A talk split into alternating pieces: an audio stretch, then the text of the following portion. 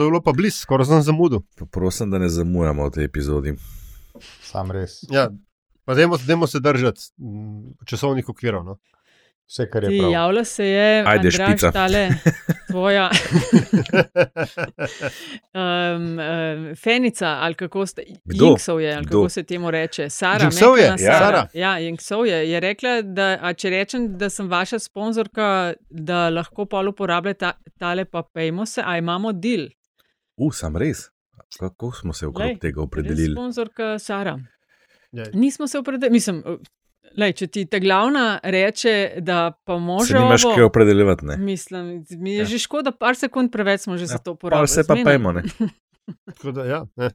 Pa, Sara, pa hvala. hashtag pejmo se, Sara, hvala. Pred nami je časna naloga.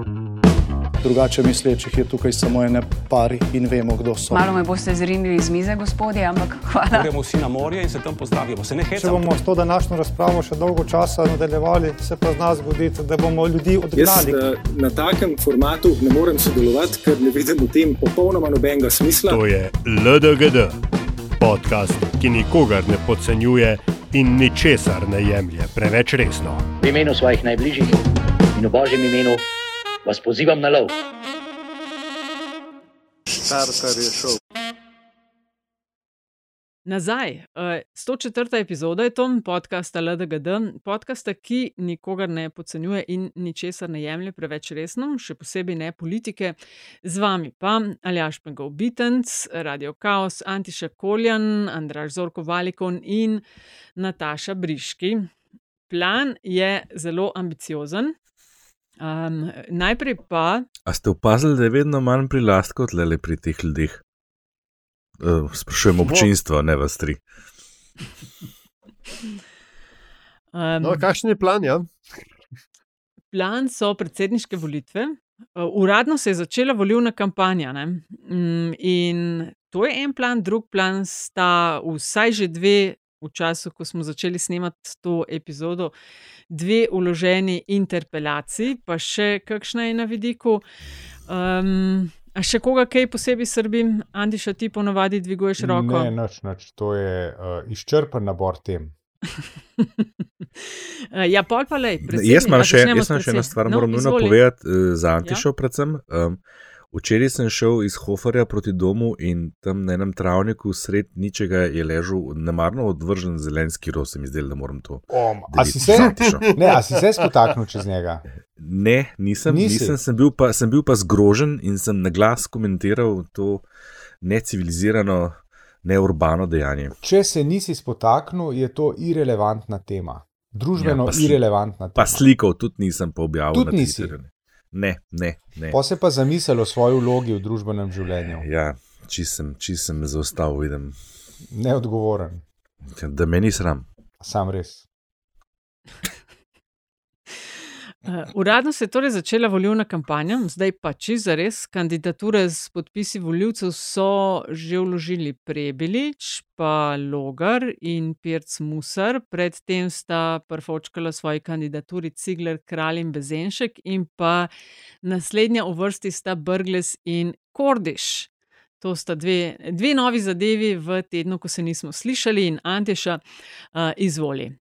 Predsedstvo SD-ja je torej podprlo Brgleza, ta se je na zahtevo Gibanja Svobode odpovedal funkcijam v SD in voilà, algoritmi Gibanja Svobode so gospoda že zaznali kot neodvisnega, ker so seveda rekli, neodvisnega bomo podprli. Ja, ja, seveda. Uh, Uh, to, to, to je meni všeč, no, tako, da um, ljudje tako ad hoc in po potrebi postajajo neodvisni. Ne. Uh, To, to me spominja na zgodbo o tem, kako je ministrica za, za računalnike in internet uh, postala ministrica. Ne. Najprej se je morala odpovedati stranki, kate, v katero je verjetno vstopila tri tedne prej, da je lahko kandidirala na njeni listi. Potem se je članstvu odpovedala in je postala ministrica iz kvote Gibanja Svoboda. Ne. To so te bolezni uh, mladih strank, ki nimajo kadrovskega bazena, potem pa izvajo to vrstne uh, sovražne prevzeme okrog, tudi med uh, koalicijskimi oziroma sorodnimi strankami. mm, uh, če bo je, izvoljen, je je, je Brgles. pa tako, ja. no, mislim, če se pa povsem zares vrnem k tvojemu vprašanju. Meni se zdi to tako eno res temeljito podcenjevanje zdrave pameti uh, med ljudmi, uh, na katerih uh, glasove računaš. Ne? Nekdo dela kariero v neki stranki, potem dela kariero v neki drugi stranki, se z njo identificira, potem pa za potrebe tega, da še kakšen glas odkot pade, ga prisilijo, jaz mislim, dobro je, ne bom rekel prisilijo, ampak pritisnejo do te mere, da se odpove vsemu, kar je doslej zagovarjal in počel. Ne vem. No. A če bi mu pa rekel, vstopi v uh, gibanje Svoboda, bi pa to ravno tako naredil, ali kaj. Predvsem pa, a veste, ne. O neodvisnosti se tukaj lahko pogovarjamo samo z velikim nasmeškom, ciničnim in sarkastičnim na obrazu. Kakšna neodvisnost? Ja. Se ni nič narobe, če Čez- si. Ne, a, ne, a veste, se ni nič narobe, če pašeš v neko stranko, če deliš njene vrednote in tako naprej. In tako naprej ne. Ma ne se mi dela, da si, da si neodvisen. Nisi, ne. Si strankarski človek. Točno to, ne veš, pri čemer je, uh, mislim, tukaj seveda je treba citirati Štoprski vodnik po galaksiji, oziroma ga parafrazirati, uh, kjer uh, Arthur Dent bi rekel, da je to verjetno neka nova definicija besede neodvisen, s katero do zdaj nismo bili seznanjeni. Ne? Mm, ampak, uh, kar se pa uh, tiče Brglaza, je tako, treba se spomniti, da je on v, v bistvu v SD pristal brkane po sili razmer, ne? potem ko, ko um, sta šla na razen z Mirom Cerarjem, to se zdaj fulčudno sliši. Um, ampak. Skratka, kako je Sem ko ga resno. je- Jaz- A ne, ne. Uh, Mislim, saj ko je bilo v konc te političnih- bromance, ja. ne? Ja, Bromance. ja, uh, uh, ja, in je, in je um, pač nikam drugam ni hotel, ni, ni, ni imel zajeti v resnici. ne. In je, in je me, mene ne čudi, da je on tako se odpovedal strankarskim funkcijam, a ni je ni okom trepnil. Ne. To na nek način tudi pove veliko o tem, koliko zelo je bil on s srcem pri SD-jevski stvari. Je pa očitno dosti bolj pri, da rečem, stvari Evropskega parlamenta, kjer je bila, čeprav razumem, bila tudi to najprej zahteva gibanje Svoboda, da se on vsem odpove in z vseh položajev in funkcij odstopi. Ne, ne vem še, ali je še predsednik šahovske zveze ali ne, ker če bi bil, bi mogoče moral tudi od tam odstopiti. ne. In, in to v bistvu kaže tudi na neke vrste, upam, da zdaj čim manjšo, oziroma vedno manjšo, ampak uh, na začetku dosta aroganco uh, na strani uh, svobode in ljudi, ki tam vedrijo in oblačijo. Ne? Ker, uno, who the fuck are you? Zafračkali ste najboljšo kandidatko, ki ste jo ever imeli, um, in zdaj boste pa vi pogojevali drugim. Uh, pod kakšnimi pogoji boste, uh, uh, boste njih podprli? No? Točno tako. To, to, to, to je totalno neresno. Mislim, to je smešno. To ni neresno, to je smešno. Ne? Si rekel, zafočkali ste najboljšo kandidatko, ki ste jo ever imeli, mislim, prva je bila. Ne? Ni, ni več, Nis, nimajo 30-letne zgodovine. Menta, menta. Čakajmo, tehnično je izraz popolnoma pravilen. In- Prva in Ne, ki ste jo edina. ever imeli. ne? Ja, In meni ta znotraj koalicijski bullying mi res ni jasen. Ne? Tako, tako. Ker to je res bullying. Ne? Točno to. Pričemer je ključna Mislim- poanta to, kar si ti rekel, Aljaš. Ne? Meni ste kandidatko, ste se ji odpovedali, zdaj pa druge buli, uh, bullyingirate, zato da. Bullying, antiša. Antiša. Ja, ja, sej, a, je v redu. ne? Uh, zato, da, zato, da- zato, da boste, zato, da so te priskledali na, na, na predsedniške volitve, pa dejte. No. Zdaj, veš, tole je bilo zelo kritično slišati iz ust obeh. Ne. Jaz bi bil mal manj kritičen v tem primeru, ker um, jaz mislim, da je to taka tipična Twitter kritika, ki ima tudi posledično tak domet, kot ga ima Twitter, se pravi, nikakršen.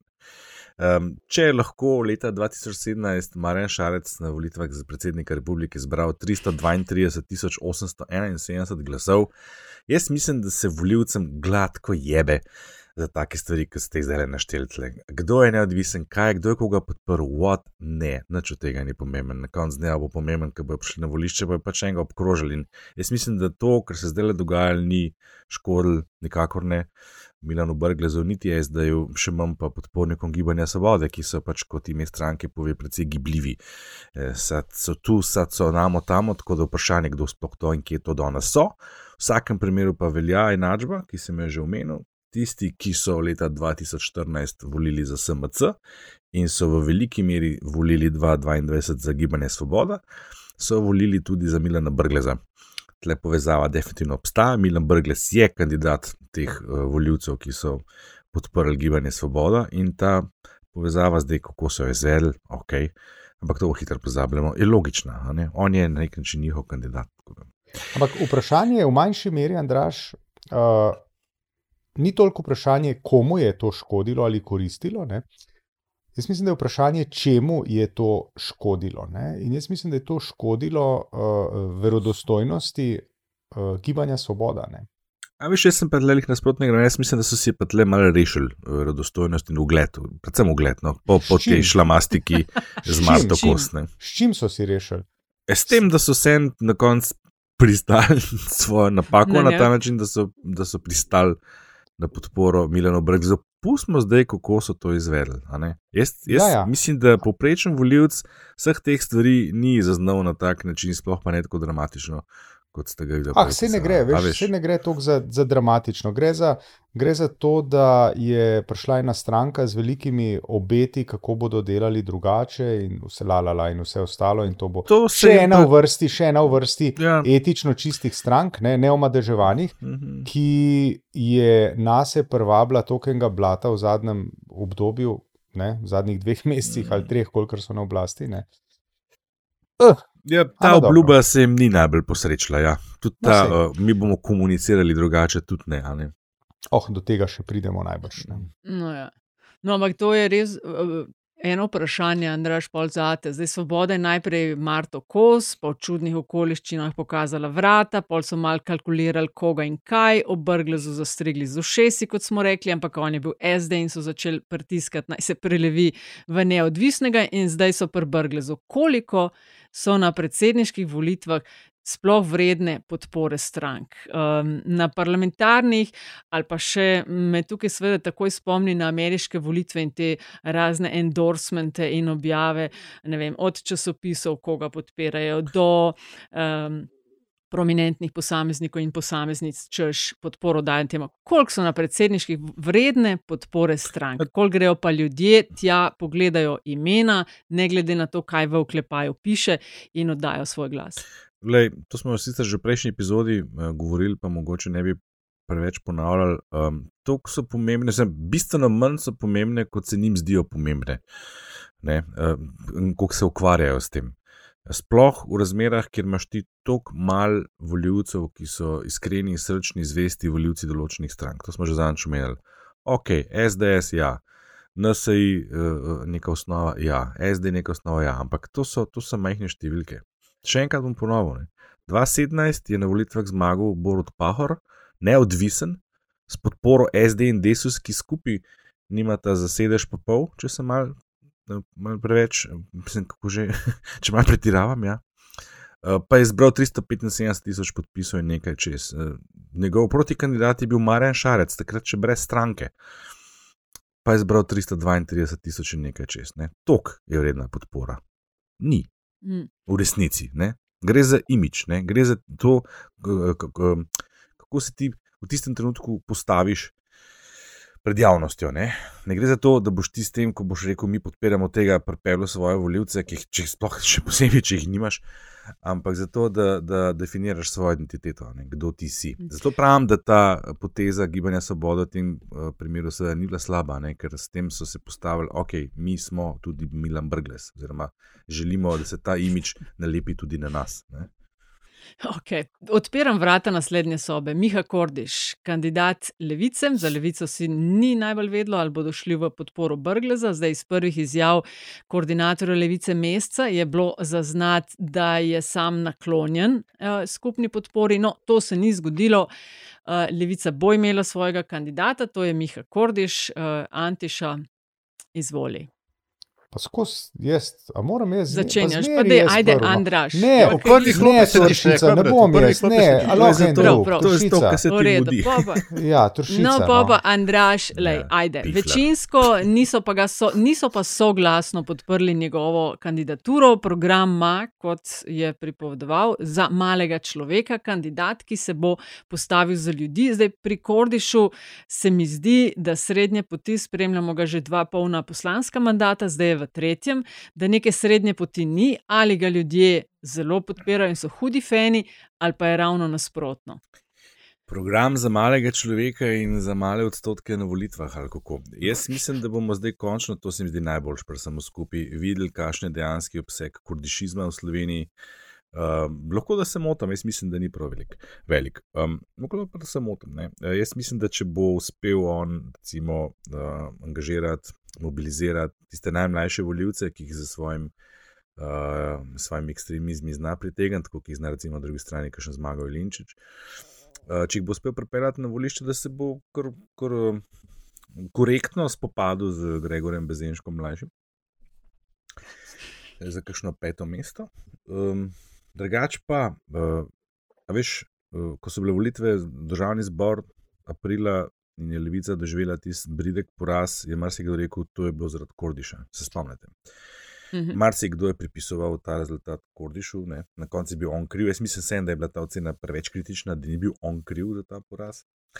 Je pa res, če se spomnimo ne, nekaj, nekaj kakšnih incidentov v preteklosti, je bil Kordiš tisti, za katerega se je mogla levica včasih da jim rečemo, zagovarjati ali pa izgovarjati po kakšni hudi izjavi, ne? pa so se sklicevali na kako že njegovo uh, občasno, kaj so že rekli, no, da ti imaš ti to. Frizuro, kontrolo. frizuro na njegovo. Ma, ne, ne, ne, to kako so potem, a veš, eh, kako se je levica ven vlekla. No? Tako, Ja, pa se vedno. To se misli. Ja. In ker meni se zdi, da je to tako, da bi, ne vem, če to je to tako, kot če bi SDS kandidirala Grimsane ali pa ne vem, Hojvika, mislim, ali pa Mahniča. Ne. Tam nekje ne. Mm, Ali pa Jaz hojsa. bi, s- jaz, jaz bi se v tale zadnji del mečken spotaknil. ne. Uh, uh, namreč Miha Kordiš, pa da se razumemo, ne, ne bi ga ništapom taknil politički. Ampak uh, vendarle je njegova. Da rečem, politična struktura, mečem bolj um, konsolidirana, razmišljajoča, da ne rečemo celo utemeljena na nekih resnih teoretskih premislekih. ne. Tako te bom ustavil, Kot- Aljaš, da ne bo narobe razumljeno. Absolutno, absolutno. Hotel sem sam povedati, uh, Kordiš v relaciji znotraj strukture levice je isto kot oni preomenjeni znotraj strukture SDS. Nisem delal neposredne primerjave med Kordišem Ja. in temi tremi, daleč od tega. Okay, fair point. Ja. Fair point. Je Pa, no, pa, potem pa zdaj naredim en tak uh, ovink, klele. Ne?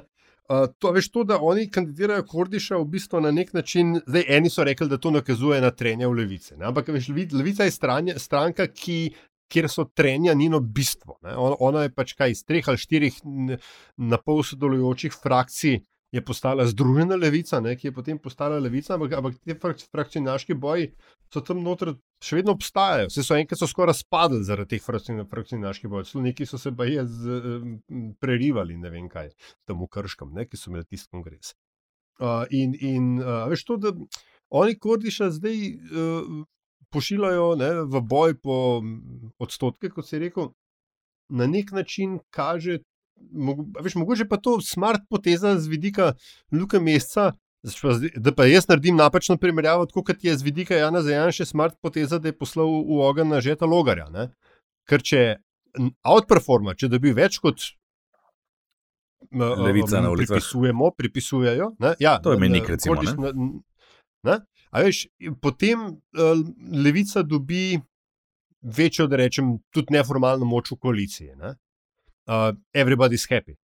Uh, če pa dobi manj, kot je dobila levica na volitvah, ne, potem pa lahko ta, da rečem, bolj zmerna frakcija ne, na čelu z um, um, tovarišem Mescem. Uh, lahko reče, no, evo, vidite, da morate delati, kot mi rečemo. Ne. Mi imamo boljše ideje, ne, ve- večje, večje politične uspehe dobivamo. Ne. In eh, se pa strinjam, v končni fazi tudi s tabo, ne, uh, uh, da, tis, da je poleg, um, da rečem, prepričanih uh, anarho. Uh, uh, uh, levičar, anarcho-marksistov, ne, ki bi jih uh, Miha Kodiš lahko pripeljal na volitve. Imáš tukaj še en, en um, bazen, predvsem mlajših volivcev, ki bi pač za njega volili, ne, kot se temu reče, for shits and giggles. Ali pa samo zato, ker je najmlajši med vsemi kandidati. No, ali pa Tudi to. A se a veš, to, se to je to, zdi smo- mal problem. Veš, to smo prej govorili, Nataša, ne? Uh, kakšna je moč pa povezava vpliva strank pa njihovih podpor ja. in tako naprej. Ne? Res je preveč enostavno zreducirati na, na ta način, da bi rekli, ok, Levica je na državno-zborskih volitvah izgubila toliko in toliko glasov. Če bi uspel vsi ti zdaj priti na volišče in podpreti Miho Kordiša, kakšen rezultat bi to bil, ali lahko kdo pride tudi, ki je volil Levico prej, pa ga zdaj ni bilo, ki je šel, verjetno je šel, tisti bo verjetno volil Brgleza ali pa kakšnega drugega, predvsem Brgleza, verjetno. Ker to, te, te dve volilni bazi se precej prekrivata, to treba tudi povedati. Mhm, mhm. Milan Brglez, mislim, da je nekaj časa, uh, mislim, saj meni se je zdelo logično po njegovih izjavah, precej bliže Levici kot pa SD-ju, ker je na koncu pristal. Ampak vendarle, go- gospod je v zrelih letih in se je odločil malo drugače, kot bi ga sodil po besedah, kam bi ga sodil po besedah. Ampak te momenti, a veš, ne, koga pa lahko res čist izven teh strankarskih okvirov. Tako da tudi ne vem, če lahko res pa interpretiramo to na ta način, samo tudi verjetno, ampak a veš, kaj to pomeni za levico, pa uh, to, kar si zdaj razlagal, ne. Mm. Mhm. Ker tle, ja, ne, najmlajši kandidat. Um, A je rekel, cifra, kjer on Beagles? lahko kao outperforma? A je to 10 plus uh, in je vse pod 10 tisti švohizem, pa recimo, da ajde pri 7, 8, 9 odstotkih tamo, tamo, kar je pod 5, pa uh, je pa slabo. Tako nekako. Ja. Mhm. Mm. A se ni, nikomor ne zdi, meni osebno se recimo, um, pa bom seveda obtožena, verjetno takoj ageizma ali kaj se temu reče. Starizem. Starizem, ja. Starizem, ja. Um, model ima 33 let. Ne? Uh, njegove izkušnje v življenju so dva mandata poslanc. In to je to. Ne. Um, Meni se te dve stvari že zdita en velik minus, se mi je v zadnjih letih, uh, no, v zadnjih, v zadnjih mesecih, ko je on je vodi eno komisijo, za delo, odbor za delo, ali Mhm. kaj že vodi. Ne? Uh, v tej vlogi se mi z načinom, kakršen ga on ima, ki je tudi zelo agresiven v komuniciranju, kar mene tudi kar moti, uh, ampak v vlogi nekoga, ki vodi komisijo, se mi zdi ta prav človek. Za predsednika pa bi rekla, da še je treba nekaj žgancev pojesti. A zdaj se referiraš na tisti posnetek, kako je primca pošolo zanč. Med drugim. Grimsa, pa Grimsa. Pa, Med drugim, ja, ene par jih je. Ja, ja. Ene Pa se- par jih je imel, Ampak ja. sej, a Če veš, smem še spomniti, opr oprosti, na tej točki bi samo še spomnil, da bi on tisti, ne, pa zdaj uh, spet uh, uh, imam veliko proti njemu zapovedati, ampak on je bil tisti, ki je, za, ki je začel uh, intenzivno postopkovno ovirati vse ta PKP-jevski buldožer v parlamentu. Ne. Takrat na tistih nočnih Ja. sejah. dalje. Evo Irgal je vse ne, spravil. tako. Z. On je, za te uh, vloge on se on meni zdi On imeniten. je uh, retorično izpreten, to je treba priznati. On tudi Ja, na um, soočenjih za parlamentarne volitve ni bil slab. Ne? On No, je neka evo. učinkovita mešanca demagoga, uh, uh, populista, nesramneža, uh, ki pa pač se zna v pravem trenutku zadržati. Ne? In zdaj imaš pa odgovor na vprašanje, zakaj je on, zakaj je on kandidat levice. Sej na volitvah mm -hmm. vemo, veš, to, kar si rekla Nataša, ni malo premlad. V bistvu je res vse en. Ne, kdo vse je že kandidiral za predsednika republike, če se spomnite preteklosti, mislim, ne? Kdo vse je že bil predsednik republike? Ne? okay. Ne bi šel tako daleč. Ampak ne, mislim, imeli smo res vsakojake kandidate in starost je tle pa samo en atribut, uh, ki mogoče v tem primeru se res sliši. Mislim, Eno je kandidat, neprimeren. kot kandidat kdorkoli. Pač Ja, ja, ampak 18 sej, let, redu. veš, Drugo je pred sedem. Ja, ampak a veš, koliko kandidatov je, ki že v štartu vedo, da, da ne bodo zmagali in da ne bodo postali Ja, predsedniki. glej. In, in tudi vedo, zakaj grejo. In mislim, da je to, tle, kar smo skakali Antiša na, na, nastavil, so odgovori na vprašanje, zakaj. Ne, on bo za, za nas gledalce, seveda, analitika, krasna poživitev eh, soočen, eh, bo pa tudi odličen mikrofon, ne, eh, oziroma ne mikrofon, eh, zvočnik levice. Levica je Megafon, hoče reči. A, ok, v redu. Ne. Je, Levica je, a veš, doživela hud poraz, je šla v vlado, se je malo not zaprla, pa se je še skoraj malo preveč umazala tam okrog afere Smode, ki ne vem, zakaj je taka tišina okrog tega že toliko časa. Um, in, in oni rabijo to. Oni to Ja, rabijo. ja, ne. seveda pa pred lokalnimi volitvami in tako dalje. In to, kar je pa absolutno. Ljaš rekel, pa spet, a ne, sej, če bo rezultat slab, bo pa vedeli, kje so, a ne, z njim, Mm. ne, pa bo imel mogoče malo drugačen uh, notranji odnos, pa razmere, kako koli. Tako da, a veš, Mm. na nek način je za levico je to lepo slovensko rečeno win-win. ne. Tudi če zgubi, No. tudi če zgubi. Ne. Mhm. Mm, uh, Antiša, um, ob kandidaturi Kordiša je majčkan začelo curljati v javnost, sploh ker se je zdelo, da je mesec bil naklonjen skupni podpori Brgleza, da mogoče koordinator nima pod kontrolo stranke v takšni meri, kot bi mogoče kdo mislil, da jo ima. In veliko se je ali pa vsaj nekaj se je pisalo tudi o pomirjanju poslanske skupine Levice, ki naj bi jih menda motili, da uh, morajo kot del vlade zdaj seveda štempljati odločitve vlade, ker zdaj so bili opozicija doslej in je to mal drugačna vloga, kot če si del vlade. Uh, da del, delu stranke. Te osnove niso jasne. Um, a ti zaznavaš v kandidaturi Kordiša kakršne koli težave pri tem uh, vodenju meseca Levice. Ja, v tem, da, je, da, da ni največje usklajenosti med uh, Luko Mesecem in Miho Kordišem, je že nekaj časa slišati. In to izhaja prav iz tega, kar si rekla. Uh, tisti, ki so v vladi, se morajo obnašati pragmatično. Ne? Tisti, ki so pa zunaj vlade, pa če tudi je njihova stranka v vladi, si pa lahko prvošijo, sploh če so bojeviti, kot Miha Kordiš je. Ne? Uh, si lahko prvošil zganja cirkus, da tako rečem, ne? in uh, opozarjati na nenačelnost stranke. Uh, in mislim, da točno tukaj nastaja uh, prepad med njima. Ne? Luka Mesec je podpredsednik stranke, lučke, uh, šoferji, ne vem, rdeče preproge in vse, kar hočeš, nočeš. Predsednik vlade. Hočeš, ja. nočeš človeku začne imponirati, o čemer je nekoč eh, zelo dobro govoril Janez Šuštršič. Rekel, jaz točno vidim, kdaj je novega ministra uh, zagrabal, kdaj, zač kdaj je začel uživati v tej svoji vlogi. Uh, Višinska bolezen. Ja, in mislim, da, mislim da, um, da smo vsi ljudje in nihče ni imun na to. Ne? Uh, če se pa vrnem k temu, je pa, je pa sedaj, ne, Kordiš pa tukaj potem, uh, on je pa v narekovajih samo poslanec. Ne. In ima bistveno bolj proste roke, uh, treba mu izklepati bistveno manj kompromisov, in ne, ker smo ljudje, kot sem rekel, ne, gre lahko to luki mestu tudi na živce. In pa pa smo, kjer smo. Mm. Andraš, ni še takšne drame z predsedniškimi, kot je bila s parlamentarnimi volitvami, v katere je bila civilna družba um, zelo aktivno upletena. Zdaj, volivna udeležba na parlamentarnih, na letošnjih je bila, če gledam statistiko vseh volitev doslej, so na tretje mesto prišli z 70,97 odstotki ljudi, ki so prišli na volitve. Zdaj, volivna udeležba na predsedniških pada vse od prvih leta 92 dalje. V 2017 je bila v prvem krogu 44 odstotna, v drugem pa 42 odstotna.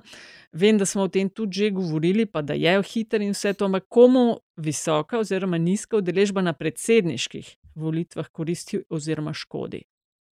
Ja, to je kar kompleksno vprašanje v resnici. Um, imamo na eni strani ta trend, eh, ki se ga omenja, padajočih, eh, padajočih udeležb na predsedniških.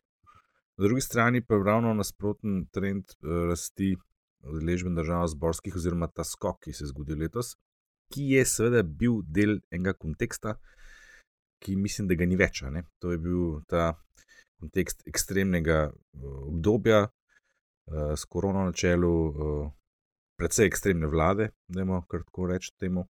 In ogromnega, ogromnega odpora, upora proti, proti vladi Janeza Janša. Mislim, to je bil upor, Uh -huh. In mislim, da je takrat prišlo na volišča kar nekaj voljivcev, samo zato, ker so se prišli upred, ker so bili jezni in besni na ukrepe, na zapiranja in take stvari. Tega pač zdaj, seveda, ni. Uh, in mislim, da tudi zanimajo druge motivacije, da bi prišli. Na drugi strani ne, je, pa, ja, je pa boj predvsej odprt. Nimamo aktualnega predsednika, ki bi kandidiral, nimamo, nimamo um, vnaprej znanega zmagovalca. Um, imamo več kandidatov, ki znajo vsak po svoje, zaradi nekih lastnosti svojih, mobilizirati voljivce, ki drugače mogoče ne bi prišli. Uh, tako da jaz mislim, da ta udeležba bo večja kot je bila 2017. Ne bo dosegla državno-zborskih kipa, delač od tega, ampak jaz mislim, da bi znala prijeti eh, na 50 ali pa mogoče celo malo čez. Komu zdaj to koristi, komu ne, mislim, ni pa zdaj le po mojem, kakšnih očitnih zmagovalcev ali poražencev zaradi tega. Ne.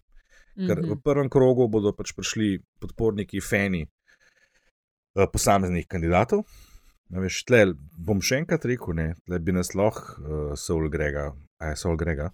Ali Soul Greg. Soul Eh, Greg. ja. Soul Greg artist. Ja. Ta bi recimo utegnil presenetiti, ker sem pripričan, da on ima krog podpornikov, ki ga noben medij in nobena raziskava ne zaznava. To je, to je tipična Facebook skupnost, samo zadostna. Um, potem, seveda, to, kar smo pregovorili, Miha Kordiš, kaj pa vemo.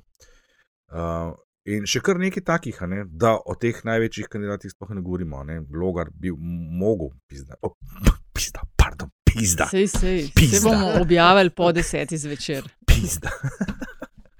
Zdaj pa kar ponavljam, kam je to koščič, pizda, pizda, pizda. Uh, Logar bi mogel po neki logiki, glede na to, kakšen uspeh je dosegel takrat v Ljubljani, um, koliko več voljivcev je imela SDS na zadnjih volitvah, bi mogel, a ne pa koliko on ni uh, ekstremen znotraj te stranke, bi mogel pripeljati kar nekaj voljivcev na volišča. Enako je, mislim, še vedno velja za Natašo Picmusar, čeprav ima zdaj kar resnega konkurenta. ne.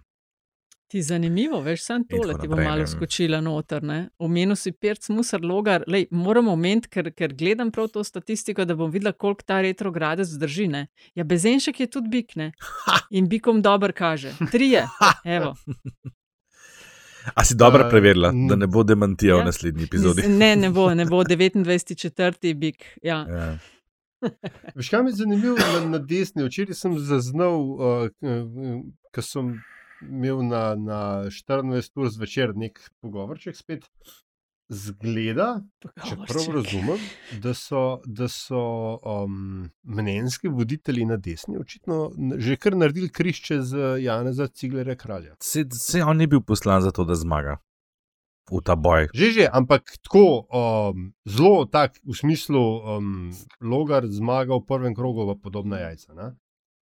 A veš, uh, sem kar malo dobil pogled, glede na to, da je to prehajalo iz krogov domovina.je, ne, kjer, kjer ne bi nominalno bili bolj NSO mediji kot kaj drugega. ne. Mhm. Uh, tako da me, me zanima, a veš, če ni mogoče vse večkrat panike na desni v tem smislu, da kaj pa če ne rata. Ne? Mislim, to, a, sem, a smo to v prejšnji epizodi omenili, ali sem kjer drugje to rekel, o, odkar je Brgles eh, kandidat, ne, je ta možnost, da sta pa Pirc Musar pa Brgles skupaj v drugem krogu čisto realna postala. Ni zelo verjetna, je pa, je pa, je pa možna. A res, Ja, mislim, Brgle spet Ja, seveda, gre, ker pazi, mm. -hmm. Cigler kralj bo lovil desne glasove, ki bi sicer šli kam. K Brglezu, Pirc Musarvi zagotovo ne. Skratka, on je pristrigal logarju Peruti do neke mere, ne? Kakšna brezvezna Od metafora. teh, ki se, ne, ne, ampak, Ampak, od teh, ne. ki kandidirajo, ja, Zdaj pa eh, pazi, komu ja, na- seveda ne. Ja. Zdaj pa na drugi strani imaš Pirc Musarjevo, ki jo že vse čas določeni mediji kar resno trgajo, ne? napadajo. Brutalno. Ne? Po eni strani ima podporo, javno izraženo podporo Milana Kučena, ki še vedno uh, ima precejšen ugled v tej družbi in še posebej med najstarejšimi voljivci, ki se ga še spomnijo kot predsednika in to so tisti, ki pridejo na volitve vsakič. Uh, hkrati ne, s vsemi temi napadi in s vsemi temi uh, konkurenti, ki se pojavljajo, bi se znala kar naenkrat, ona, veš, vlogi neke žrtve prikazovati. In ona pa v bistvu je neodvisna ne pa ne moramo tega reči. Prosti lahko mislimo, ne vem, kaj vse komu da pripada. Ona pa ne. bezenšek za res edina. Ampak ona dva sta, ja, točno, ne? ona pa bezenšek, zanimiva kombinacija. Ampak ja, ne, a veš, in to bi pa znali spet ne, eh, ljudi malo potegniti. Tako da ona, poleg tega, da, smo, da je v anketah visok, ne. Ampak to smo rekli, Mislim, da je to prepoznavnost. ja, pa mal gledam, koga se kaj napada. Mislim, dejansko. Njo, ne? Nobe, samo, Ja. mislim, manjka samo njo, ampak vse od tega celo, pazi, ko, kako sveda zgleda, kje so gube, s kom se druži namigovanja, mm. na račun moža non-stop, mm. na Mhm. račun tega zbiranja podpisov, eh, SDS jo trga, pri čemer se mora sproti opravičevati. Janša se je mogel za tisti tweet, ki je mal prehiter šel ven, zdaj se je mogel opravičiti zaradi SD-ja in uh, domnevnega poslovanja iz ukradene vile. Postopek je vodila pisarna od Nataše Pirc-Musar, no nikogar ne na takšen način. Mislim, na nikakršen v bistvu. Kaj, si za, kaj smo videli, da je na Cigler kralja letel? Kaj smo videli, da leti na Logarja, recimo? Logar, a veš, vložil je kandidaturo s podpisi 12.900, pa še nekaj. To je on v treh dneh zbral. Ki so podpisi, ki so v naslednjih In- dneh padali. Pazi, ne, samo da dokončam tole matematično. Ne. napoved. Na zadnjih volitvah je bilo razmerje med podporniki vladi in vladi naklonjenih strank in ostalimi ena proti dva. In če se to razmerje ob manjši deležbi ohrani, potem imaš ti na drugi strani, pravi, te, ki ni SDS, NSI, se pa tista ena, ne, se razdeli med SDS in NSI, mm. na drugi strani imaš pa še dve enoti za razdeliti. Več kot dovolj, da se zna zgoditi, da bi Logar utegnil v, v, v prvem krogu celo ne prijeti skozi. Ne. Do 4. oktobra se mi zdi, da je še čas, da kdo odstopi od kandidature. Lej. Imamo toliko presenečenja, je bilo že okoli uh, te predsedniške kampanje, do last minute vstopov, Lej, mogoče pa bo odstopil. Ma, ma jaz pa v to dvomim, veš. Ali boste Ah, ne, odstopili? Pa v Zdaj se to zelo poziva ne. na polno. Ampak nekaj ima eno vprašanje, Ne, kdaj so referendumi predvideni? E, Najprej zbira podpise, ne vemo, A morajo še zbrati podpise. Poj, Ja, poj ja, pa še ja. razpis. Ja. Ne, Ja, ja, ta dolgotrajna oskrba, pa Mhm. RTV, pa zakon o vladi. O, mimo grede zakon o vladi, ne bomo imeli ne ministrstva za solidarnost. Ne, ne. Luka ja. Mesec, oziroma tako, uh, Simon Maljevac ne bo minister, ne? Luka Mesec bo pa Tako je. vstal. Tako, Mm. ostaja državni sekretar. Ja. Sam to, to mi grede mi je, me zan, mi je zanimiv, ne, ker čak, v čem je zdaj špora, imamo 35 minut. postopkovno. Dej, ja, dajte me sam spomniti. a, e, Nov zakon o vladi je bil sprejet, pa je šel na referendum, ali uh, ga sploh še ni v postopku? Mislim. Ne, jaz mislim, da ni Ne, bil namreč- sprejet, ker so zablokirali, Aha, uh, okej. mislim, da so zablokirali sprejemanje z vložitve, uh, zahteve ali nekaj podobnega. Mm, mogo- a To je ja, tisto, točno ko so jih predhodni pre- referendum. pre- Ja, ja, prehiteli, ja, veš. ja, ja, ja. Čeprav ne vem. Ker namreč fora v tem, če je slučajno bil zakon v, v, že v postopku, pol mesec ne bo mogel kaj zelo zbirati. Ampak gledaj, ne vem, anyway. Se A, ni ja. nič rekel, da je izbiral. On je rekel, da bo ostal minister za delo. Pika konec, če Ja, tudi razumem. referendum uspe. Ja, ampak mene bolj zanima, veš, ali bo, recimo, bolj zanima, veš, kaj to pomeni za ostala ministrstva, veš, a bo Alenka Bratušek ministrica ali ne, ne? Tako dalje, veš, a, a, a, ker če se bodo pa drugače delala razmere med ministrstvi, poj pa to lahko išil za odnose v koaliciji. Na veš, zalogo ker- si ker zdaj- delamo skrbi. Ja, lej, ne vem, no, Ampak veš, ja. če, ima, če, ima, če ima levica minus ena, ne, v, v, v, v tem, m, tem ne, ministrstv, um, kaj to pomeni, ne, v resnici. Tako Da, ne, Veliko- To, to, ni tok- to, to ni tako nedolžna, ne, nedolžna izjava, no, kot mogoče zgleda. Le, veliko odvisnega od performansa Mika, Mihe Kordiša na predsedniških. Pejmo no malce sami na tekoče delo 15. slovenske vlade. Dve interpelaciji je SDS že vložila v parlamentarni postopek. Eh, najprej proti notranji ministrici Bobnar. Um, rušenje ograje in en kup drugih stvari, in pa ravnanje policije v aferi o domnevnih slo, uh, spolnih zlorabah, pa te podpore glede predsedniških kandidatur, in uh, proti Fajon, zaradi, tako jim očitajo, zlorabe depešnega sistema. Šarec eh, se še ne ve, on naj bi bil tretji, ne? ali pa utegne biti tretji. Um, Ja. um, SDS potrebuje ne medijske minute in kaj lepšega od interpelacij in referendumov. Um, vnaprej se verjetno ve, ne pretiravam, če rečem, da bo vse padlo, ampak tudi, da bodo poskušali minute dobro izkoristiti. Ja, zelo veliko bo razprave v parlamentu, a v povezanih medijih bo zelo veliko a, poročanja o tem, opozarjanja na grehe in tako naprej. Tako da um, strateško kar dobro zbran čas, tik pred predsedniškimi volitvami, ne na zadnje. Ne? Jaz pa mislim, da jim zdaj to lahko tudi, vsaj v primeru Tanja Fajon, to kar mečkam v obraz eksplodirati. Uh, ker je uh, pač, če je povod za interpelacijo uh, odpoklic Toneta Kajzerja in pa seveda ta zgodba z Depešo, potem bi bil uh, skoraj že tak kriminalni politični diletantizem, ne, če koalicija iz tega ne bi naredila debate o imenovanju Toneta Kajzerja in vlogi odhajajočega predsednika republike pri uh, teh političnih ali pa celo strankarskih uh, imenovanjih po, po, po ra- raznih ambasadah. Nekle mislim, da je v bistvu ima SDS potencialno zelo težko fronto, si je sama odprla, na, katere, na katero ni nujno, da ima proti orožje. Ne? Kar se pa Bobnar tiče, je pa, uh, lej, uh, ali je kdo kaj drugega pričakoval. Ne? Um, ker to je pa vendarle ta, to so te kulturne vojne, kulturni boj, ne, bolj migrantov in, in mi, proti, mi proti njim, ne, veliki D, drugi, ki prihajajo k nam imeti službe in hkrati biti na, na um, pač statusu brezposelnega. Ne, tak, ja, ja, tako, veš, odnesli nam bodo žene, žene in hčerke. Ne, Uh, ampak v resnici odhajajo samo mladi iz države. Ne? Skratka, kako koli. Um, hotel sem samo, samo to dodati, da je, kar se um, pričakovano izidov interpelacije tiče, ne, nikoli, nikoli ne pozabiti, da je Mirko Bandel tudi mislil, da bo zlahka preživel kot notri minister, na kar so ga njegovi lastni odžagali, ker se na interpelacijo ni pripravil. Mm. Tako da.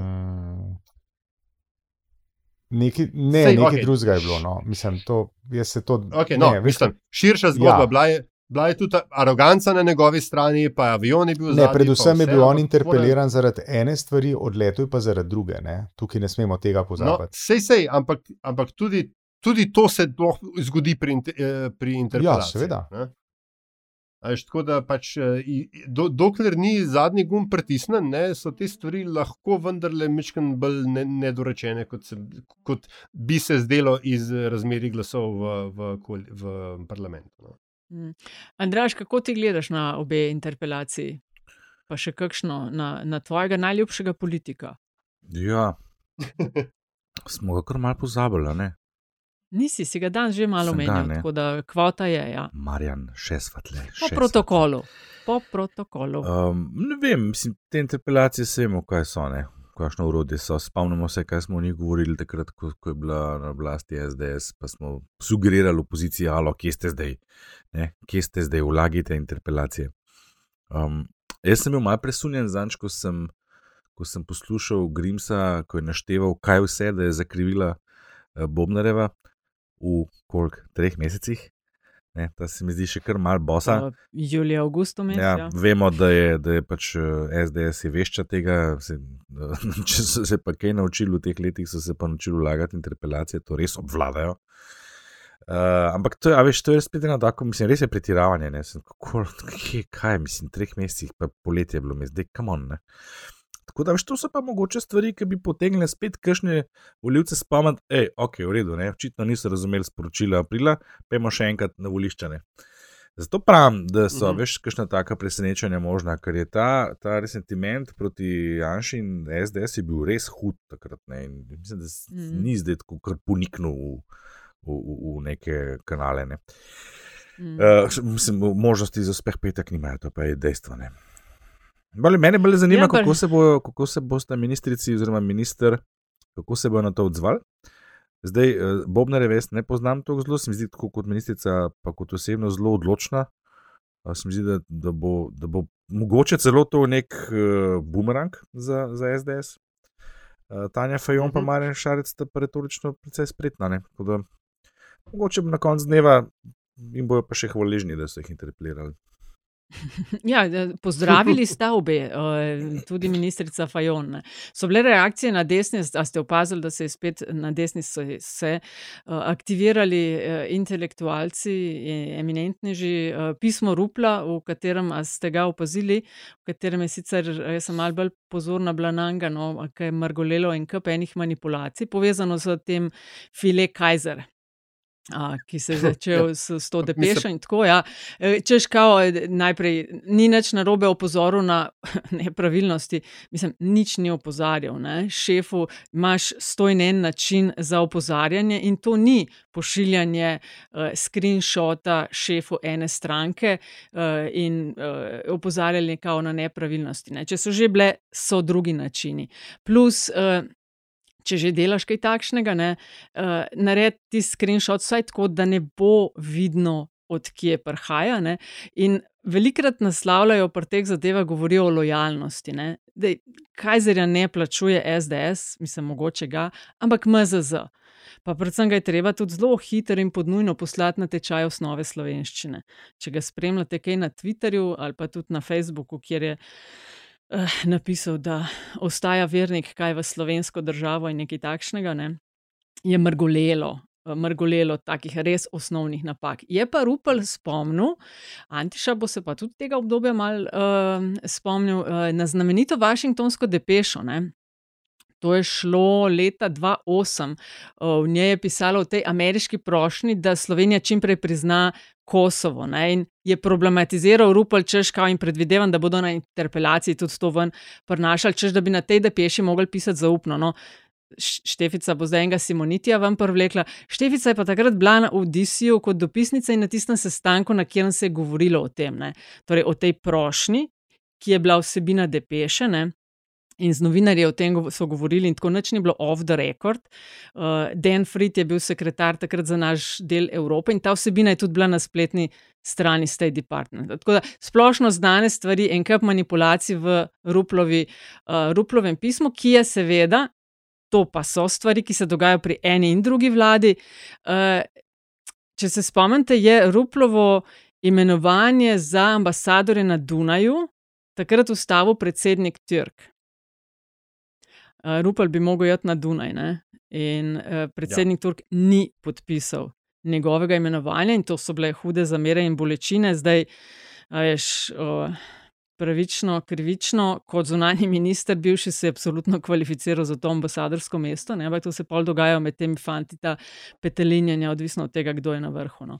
Ampak pred, si predstavljam, da bo na interpelaciji veliko govora o teh stvarih. Jaz bi v kontekstu, glede... ja, povedal, ja, ja, izvoli. izvoli, izvoli, izvoli, izvoli. Ne, izvoli Uh, hotel sem v kontekstu, uh, hotel sem v kontekstu uh, razprave o odpoklicu uh, ambasadorja samo spomniti na en, mogoče en detaljček, ne biti malo zoprn. Ne? Povej. Uh, jaz si ne morem kaj, da tega cele zgodbe ne bi videl v kontekstu predvoljivne napovedi uh, Gibanja Svoboda.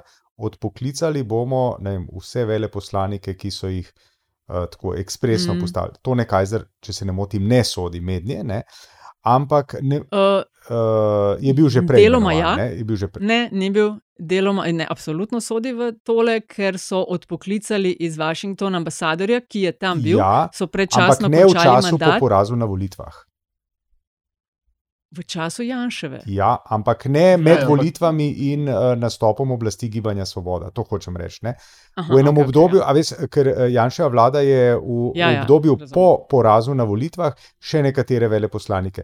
In takrat je, takrat mislim, da je bilo to, na, ali, ali kako je že bilo, tik pred volitvami, nekaj podobnega. Mislim, da je bil Kajzer nekaj prej. No, ampak skratka, Je ne bil, ja. morem si kaj, da ne bi tega videl tudi v kontekstu, da so uh, v narekovajih sporni ambasadori še vedno tam, ker so pač verjetno pravniki uh, Gibanju Svoboda povedali, da ne morejo kar tako odpoklicati uh, veleposlanikov v tujini. ne.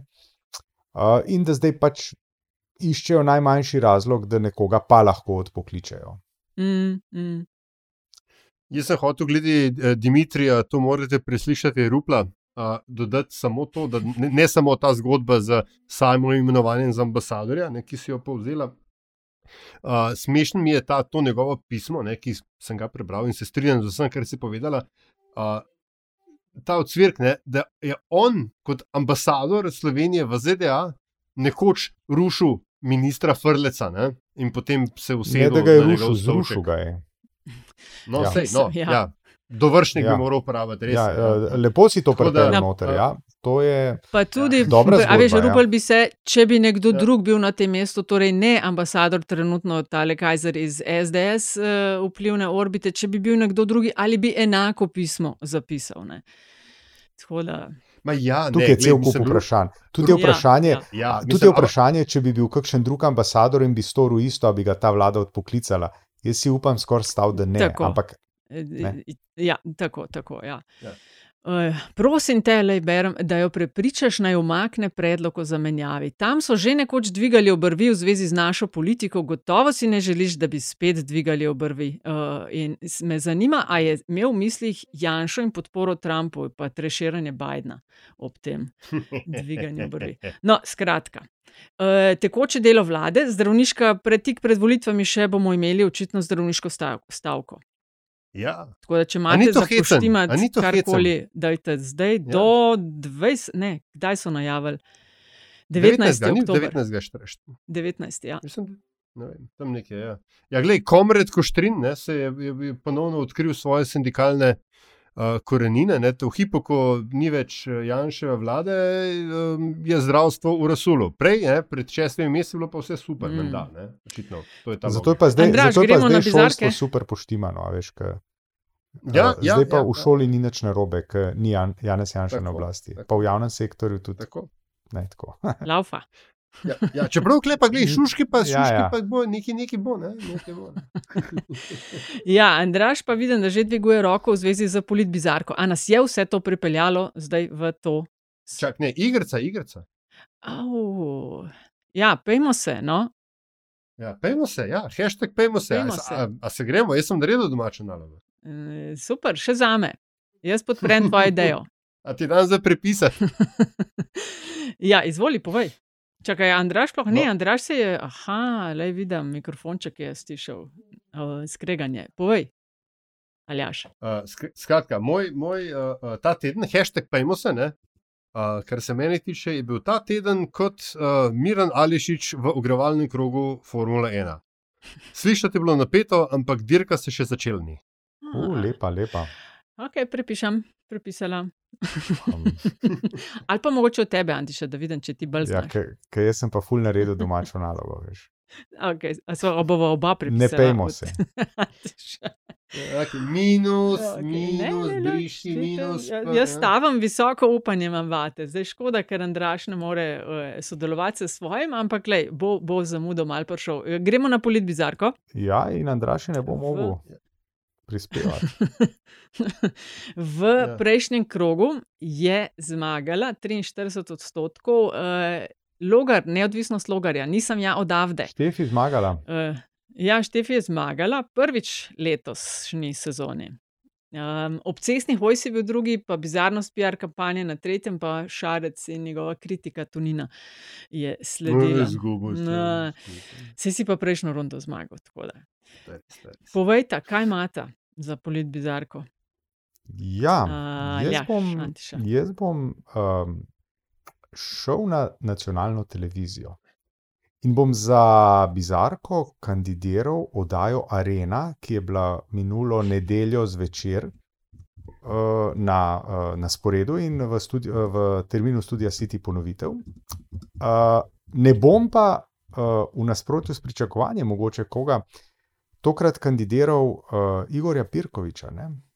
ampak bom kandidiral Mojco Pašek Šetinc in njen nastop. To je, bilo, uh, to je bil nastop, uh, v senci katerega je bila celo uh, Kopriva, Alenka Jeraj, uh, kot bi prišla iz Dunajske diplomatske šole. Skratka, upadanje v besedo, uzurpacija, uh, uzurpacija časa. Uh, absolutno je Mojca Pašek Šetinc bila najbolj agresivna uh, govornica na tem omizju. In sprašujem se, ali niso to morda uh, novi komunikacijski pristopi uh, po prihodu nove komunikacijske strateginje v stranko Gibanje Svoboda.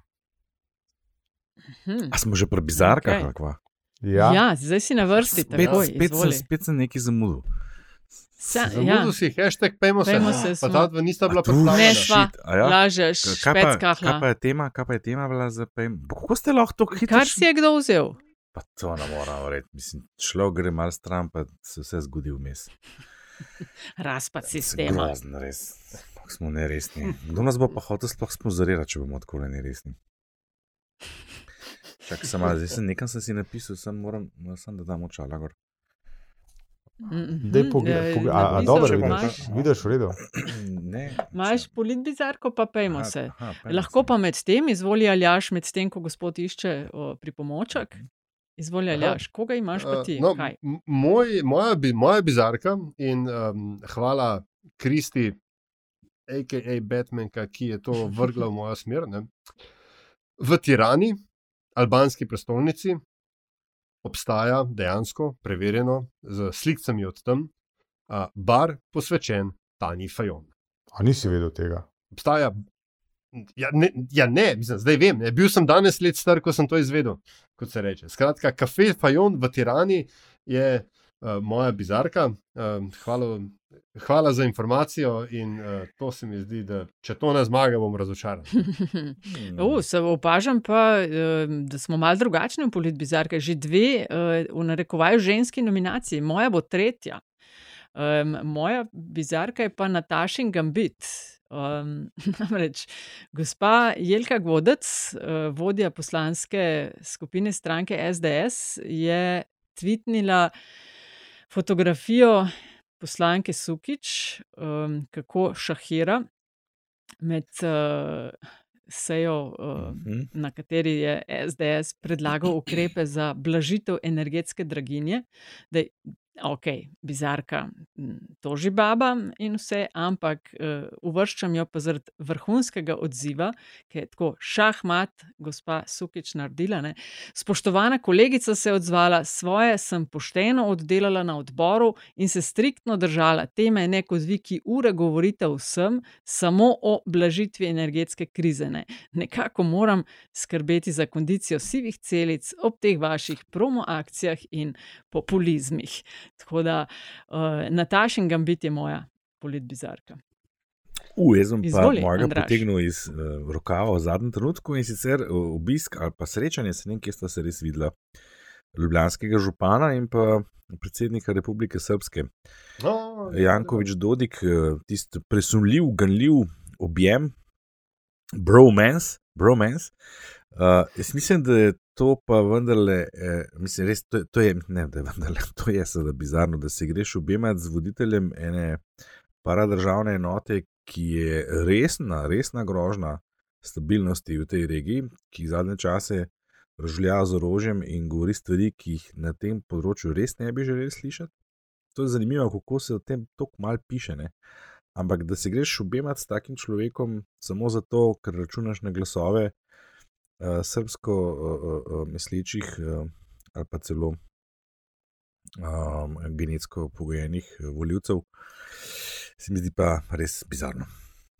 Ja, pazi, kle so lahko še kakšne druge zgodbe. Ne? Šel je Jankovič Dodiku uh, pogajati se eh, cene energetike in nekaj v tem kontekstu. Ne? In Dodik uh Mhm. -huh. potem par dni kasneje k Putinu.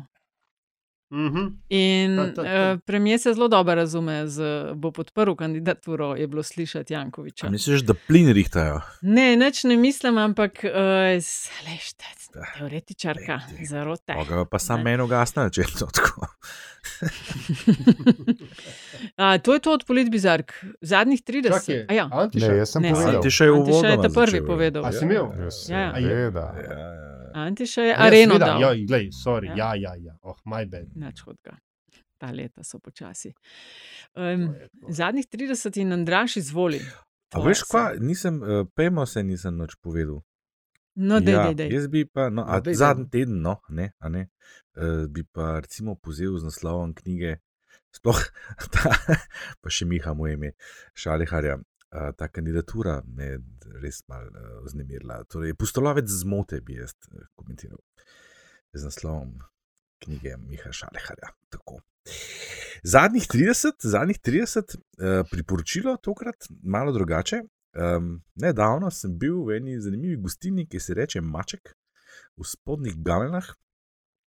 Hrana sicer nič posebnega, decent, decent ampak celokupno vzdušje je jako zanimivo, Eh, tako, tako blizu Ljubljane, uh, tako doživetje od eh, teh uh, prebivalcev, ki so tam popovdne po, po delu v kakšnih delovnih kombinezonih, do strežnega osebja, ki ima posluh za neznanc, nez, nezna, neznane prišleke, do zvonika, ki je posebno doživetje, če ste tam slučajno okrog pol osmih zvečer. Um, priporočam tako, avantura. Ne Vem, sprem, hrana nisem, ne, nisem priporočil hrane, čeprav je bila čist decentna, ampak vse ostalo je pa lušno doživetje. Uh, gostila maček spodne gameljne. Ja, okay. um, Bom jaz, gledam skozi okno, gledam nebo brez oblačka, ne vem kako je v Ljubljani, v Kopru je tako. In v luči prej omenjene energetske krize, ne, vam priporočam, pridite kaj kolesart na obalo. Tukaj se še zmeri da in je super. V tednu, ko se zaključuje Evropski teden mobilnosti, krasen predlog. Aljaš, izvoli. No, in medtem ko kolesarite, lahko poslušate tudi podcaste. Uh, za tiste, ki morda ne veste in uh, ste, se, um, ste si vzeli k srcu moje priporočilo že pred časom o podkastu Revolution z Majka Duncana. Ta podcast ima zdaj nadaljevanje, oziroma dodatek, dobesedno, ker se jim reče Appendix. Uh, in gre za um, v bistvu premisleke o desetih sezonah podcasta Revolutions, o tem, kaj revolucije so, ali je, gre morda za eno samo revolucijo. Um, toplo priporočam, ker je ena taka fina koda celi stvari uh, od človeka, ki je tudi revolucije naredil, mečkam bolj dostopne. Če se vrnemo k glavnemu revolucionarju kampanje, mečkam bolj dostopne malemu človeku. Hmm. Prva dva predloga, tako malo hedonistična, moj se bo pa odlično navezoval na tvojega, Aljaš. Uh, jaz pa v luči zadnjih naborniških napovedi Putina, pa teh grožnjah za jedrskim napadom, pa vzponih nacionalistov po svetu in Evropi, zdaj v nedeljo nas na italijanskih volitvah očitno čaka skrajno desni trojček Meloni, Salvini, Berlusconi. No, pred dnevi sem začela brati knjigo Margaret Macmillan, War: How Conflict Shaped Us. Zdaj, gospa je avtorica uh, vrhunske knjige Pariz 1919, šest mesecev, ki so spremenili svet. No, v tej knjigi zdaj pa piše o tem, kako vojne oblikujejo nas, zgodovino, inštitucije, zakaj se bojujemo, ali lahko vojne prinesejo tudi kaj dobrega, pa predvsem, da jih premalo resno jemljemo in da jih je treba razumeti torej Margaret Macmillan, War: How Conflict Shaped Us. In tako pristavljamo piko tokratni epizodi, eh, zadnjo besedo. Želite še kaj eh, sporočiti ja, poslušalstvu? Mislim, da bi se pa lahko o Antiši malo pogovarjali zdaj. E, zdaj bi se pa lahko rojsten dan. Prav sam. Antiša, se strinjaš? Nič ni rekel. Evo. No, Hecam se. Lega, ki je šel. Eh, šel je, ja, šel je, ne, vse to, to, hvala, ker si to povzela. Ne. Kakšna neresnost, kako nas bodo sponzorji resno jemali, to, to se jaz tega se fulbujim. Bolj se moramo potruditi. To... Uh, hvala lepa vsem, ki nas spremljate, za ocene, za širjenje epizode in za uh, prispevke v naš mošniček. Do naslednjič. Lepo zdrav. Pa brez zamere.